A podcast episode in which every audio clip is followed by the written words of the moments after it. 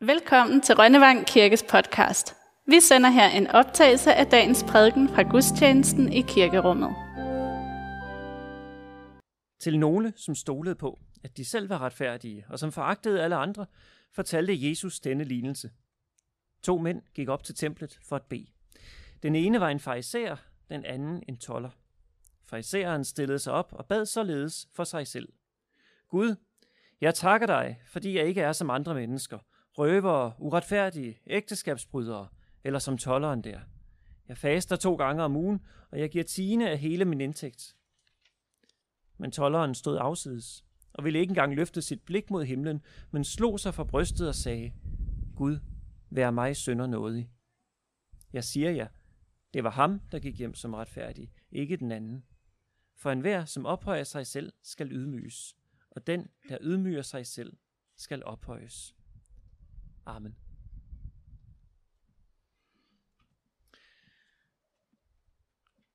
Kære Gud, hjælp os til at være ydmyge. Hjælp os til ikke at sammenligne og dømme andre. Hjælp os til at se, at hos dig, der skal vi bare lægge det hele og komme. Det er alt, hvad der behøves. Amen.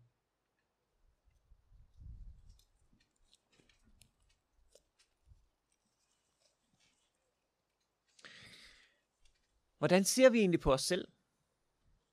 Og hvordan ser vi på andre? Og hvordan ser andre på os? Det lader til at være nogle af de spørgsmål, der sådan kredser rundt omkring dagens prædiketekst med de her to personer, som går op til templet for at bede. En fariser og en toller, ingen af dem bliver jo egentlig fremstillet særlig flatterende. Men til dels, vel fordi de, sådan, de fremstår lidt karikerede. Altså hvis vi nu tager fariseren, så har han vel egentlig været en respekteret mand. Respekteret nogle i hvert fald. Respekteret for at være et religiøst menneske, der levede efter det, som han prædiker. Han ønsker faktisk at leve et, et godt liv. Et rigtigt liv. Men Jesus hudfletter ham i sin lille lignelse ved at vise, at nok mener fariseren selv, at han gør det rigtige, at han tager sig selv i kraven, men, men bagsiden af medaljen er, hvordan han distancerer sig fra tolleren, hele tiden skal måle sig op imod ham, hele tiden gør sig selv bedre. Han er endt med at have et billede af sig selv og af den anden, som skaber afstand. For nylig sad jeg sammen med et øh, forældrepar, som havde haft deres øh, datter på efterskole. Og en dag så sad de så og, og snakkede om det, og hun fortalte, at der var en ting, som hun fortrød omkring det her efterskoleår. Det handlede om en af de andre piger. Hun havde ret tidligt i forløbet dannet sig et, øh, et indtryk af den anden pige, ud fra hvad nogen af de andre piger havde sagt om hende. Et indtryk, som gjorde, at hende havde hun så ikke lige brugt så meget tid på. Og først da efterskoleåret er ved at være slut, lærer hun den her anden pige bedre at kende, og finder ud af, at det indtryk, hun havde fået af de andre til en start, det i hvert fald ikke var det samme indtryk, som hun havde af hende. Hun mødte faktisk en rigtig sød pige, som hun var i gang med at blive, øh, blive gode veninder med. Men først med et års forsinkelse, første efterskoleåret er ved at være slut, fordi hun lyttede så meget til de andre i starten, i stedet for bare selv at danne sig sit indtryk. Hvad baserer fariseren og tolleren deres indtryk af hinanden på? Hvad baserer vi vores opfattelse af dem på? Hvad baserer vi vores opfattelse af hinanden på? Lad os prøve et lille tankeeksperiment. Lad os forestille os, hvad der kunne ske efter øh, det her lille optrin i, øh, i templet. De får, lad os sige, at de slutter deres bøn samtidig, og så begynder de at øh, gå væk fra templet af den samme gade. De har sikkert set hinanden, henne i templet, men chancen for, at de mener, at de har noget at snakke med hinanden om af den grund, er nok ikke særlig stor. Men lad os så forestille os, at deres blikke lige øh, når at strejfe hinanden et øjeblik, og lige når at tænke sikkert dog ind, inden den ene af dem udbryder, jamen, er det ikke? Tænk nu, hvis de kendte hinanden fra tidligere. Tænk nu, hvis de havde øh, gået i skole sammen, eller øh, leget i byens øh, små gader sammen. Hvis de havde kendt hinanden fra før, at, øh, at det hele sådan begynder at, at dele sig ud. Det er så dejligt, når, øh, når man er lille, så er der ikke nogen, nogen skæld. Altså nu har vi haft et dåbsbarn i dag. Når man ser sådan børn i den størrelse, alle børn leger med, med hinanden, når de bliver store nok til at lege med hinanden. I starten leger de mest for sig selv, det ved jeg godt. Men hen i vuggestuen, hen i børnehaven, der er jo ikke, der er jo ikke nogen af dem der, som ville være toller eller fariserer. Der, der leger man med de samme biler og med de samme dukker, og man øh, sidder og bygger de samme ting i, øh, i sandkassen. Og så i løbet af livet, jamen så tager vi forskellige valg, og det tager forskellige drejninger, og vi ender måske forskellige steder. Lad os forestille os, at de her to, at de havde siddet i sandkassen. Der er nok ikke sandkasser dernede. Men lad os sige, at de havde siddet i sandkassen og leget sammen som børn og genkender hinanden. Hvis det skete, så tror jeg, at de i deres hjerte ville være klar over det, som vi ellers nok måske nok med vores forstand kan ikke til, at de jo der har meget mere til fælles, end som hvad der adskiller dem. Det er ikke sikkert, at de vil være enige i hinandens valg af den grund. Men det kan være, at når de nu kendte hinanden for tidligere, at de så kunne sætte sig over et krus vin, eller hvad man nu sætter sig med dernede, se hinanden i øjnene, og farisæeren kunne spørge tolleren, hør du, hvordan gik det egentlig til, at du blev toller? Arbejde for besættelsesmagten, den havde jeg godt nok ikke lige set komme. Eller helt ind til benet. Hvis tolleren kunne have spurgt farisæeren, du, kan du ikke fortælle mig lidt om din tro?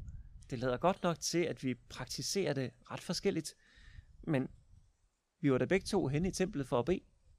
Måske der alligevel er et eller andet fælles. Den samtale kunne have været oplysende for dem begge to, tror jeg. Ikke kun for ham, der spurgte, men også for ham, der pludselig skulle forklare sig. Tænk, hvis nysgerrigheden kunne have vundet. I stedet for, at fariseren han står der i templet og åndeligt set peger fingre af den anden. Tænk, hvis nysgerrigheden over for det andet menneske kunne have vundet hos dem. Og tænk, hvis den kan vinde hos os. Lignelsens kontekst, den får vi i den allerførste sætning. Til nogle, som stolede på, at de selv var retfærdige, og som foragtede alle andre, fortalte Jesus denne lignelse. Der kan sikkert også udledes meget, meget andet godt af lignelsen, om bøn blandt andet. Men dens primære kontekst, altså det som Jesus han har talt den i, det er altså lige præcis det her, det her spørgsmål. Den er talt til nogen, som ikke var nysgerrige på deres medmennesker.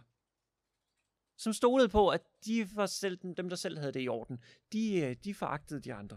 Til nogen, som havde et decideret forkert billede af sig selv og af de andre. Hvis det er sygdommen, det forkerte selvbillede,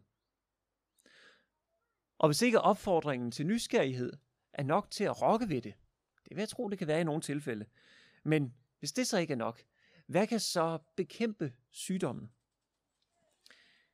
Epistelteksten viser os måske en mulig vaccine.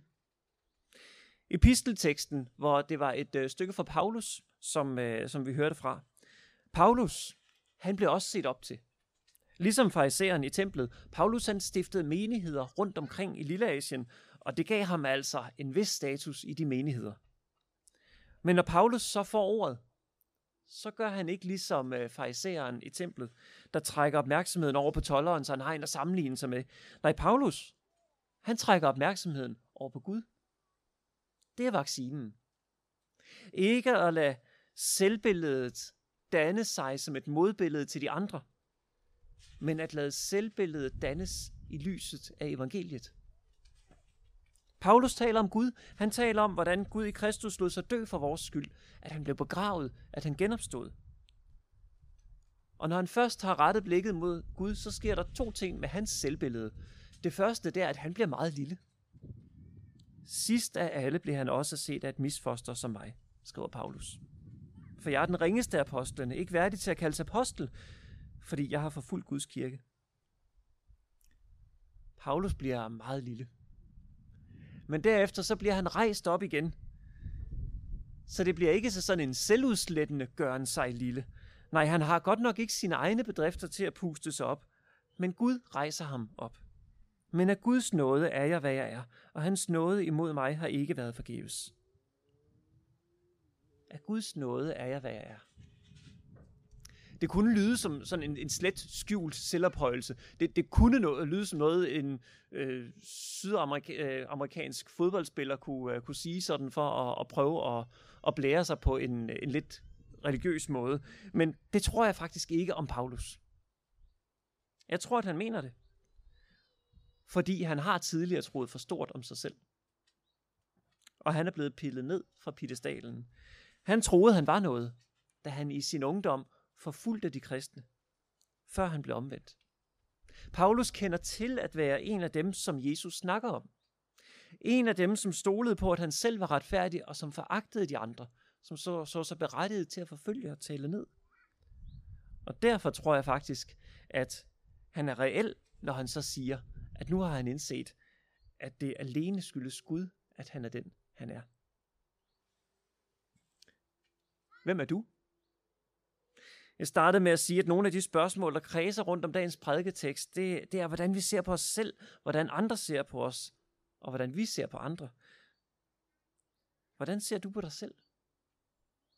Det kan være svært ikke at sammenligne med andre, men i stedet for en sammenligning med vindere og tabere, jamen hvis vi så skal se på hinanden, så kunne vi måske se det forbilledelige hos hinanden. Hvor vi på den sunde måde kan glæde os over det gode i den anden, og have det som et forbillede for os selv. Og hvor vi kan have Kristus som det ypperste menneskelige forbillede. For så er det ikke en sammenligning, som maser ned, så er det en sammenligning, som giver plads til at vokse som menneske. Hvordan ser andre på dig? I denne sammenhæng, så skal spørgsmålet nok i virkeligheden snævres ind. For det vigtige er slet ikke, hvordan andre ser dig, men hvordan Gud ser dig. Det vigtige er bevidstheden om, at i Guds øjne, så er du et af hans elskede børn. Værdsat. Ikke efter på hvor mange punkter du er bedre end andre, men bare værdsat, fordi du hører til hos Gud. Og hvordan ser du på andre? Jeg håber, at du ser på os andre med nysgerrighed, så vi kan fortsætte snakken om tro, om menneskelighed, om forskellige måder at leve livet på. Og jeg håber, at du ser med nysgerrighed på ham, der ydmygede sig selv ved døden på korset, for at vi skulle ophøjes. Ser med en nysgerrighed, der fører dybere ind i troen. Amen. Tak fordi du lyttede med på Rønnevang Kirkes podcast. På genhør næste gang.